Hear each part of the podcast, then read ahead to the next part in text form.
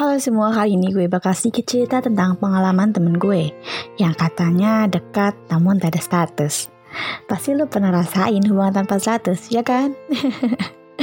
Oke, kali ini gue bakal sharing ke kalian semua tentang hal yang pernah temen gue alami makan diri gue sendiri.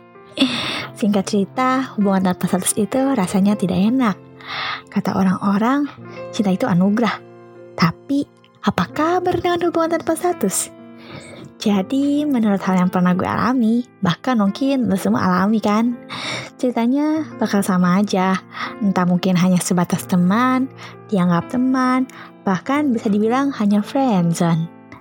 Awal mulanya sih dari saling senyum, saling sapa, saling ketemu, follow-followan IG, chattingan, saling memberi kabar satu sama lain, bahkan memberi harapan lebih layaknya sebuah hubungan sudah pasti.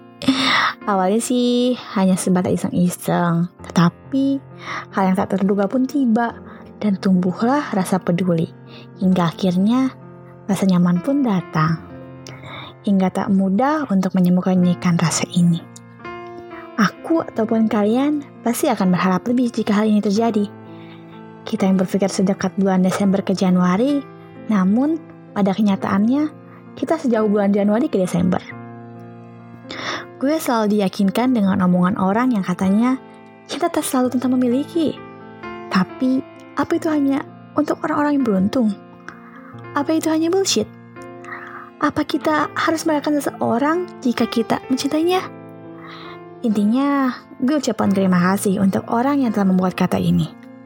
Gue memegang prinsip ini, dan terima kasih untuk lo atau mereka yang selalu ada untuk gue.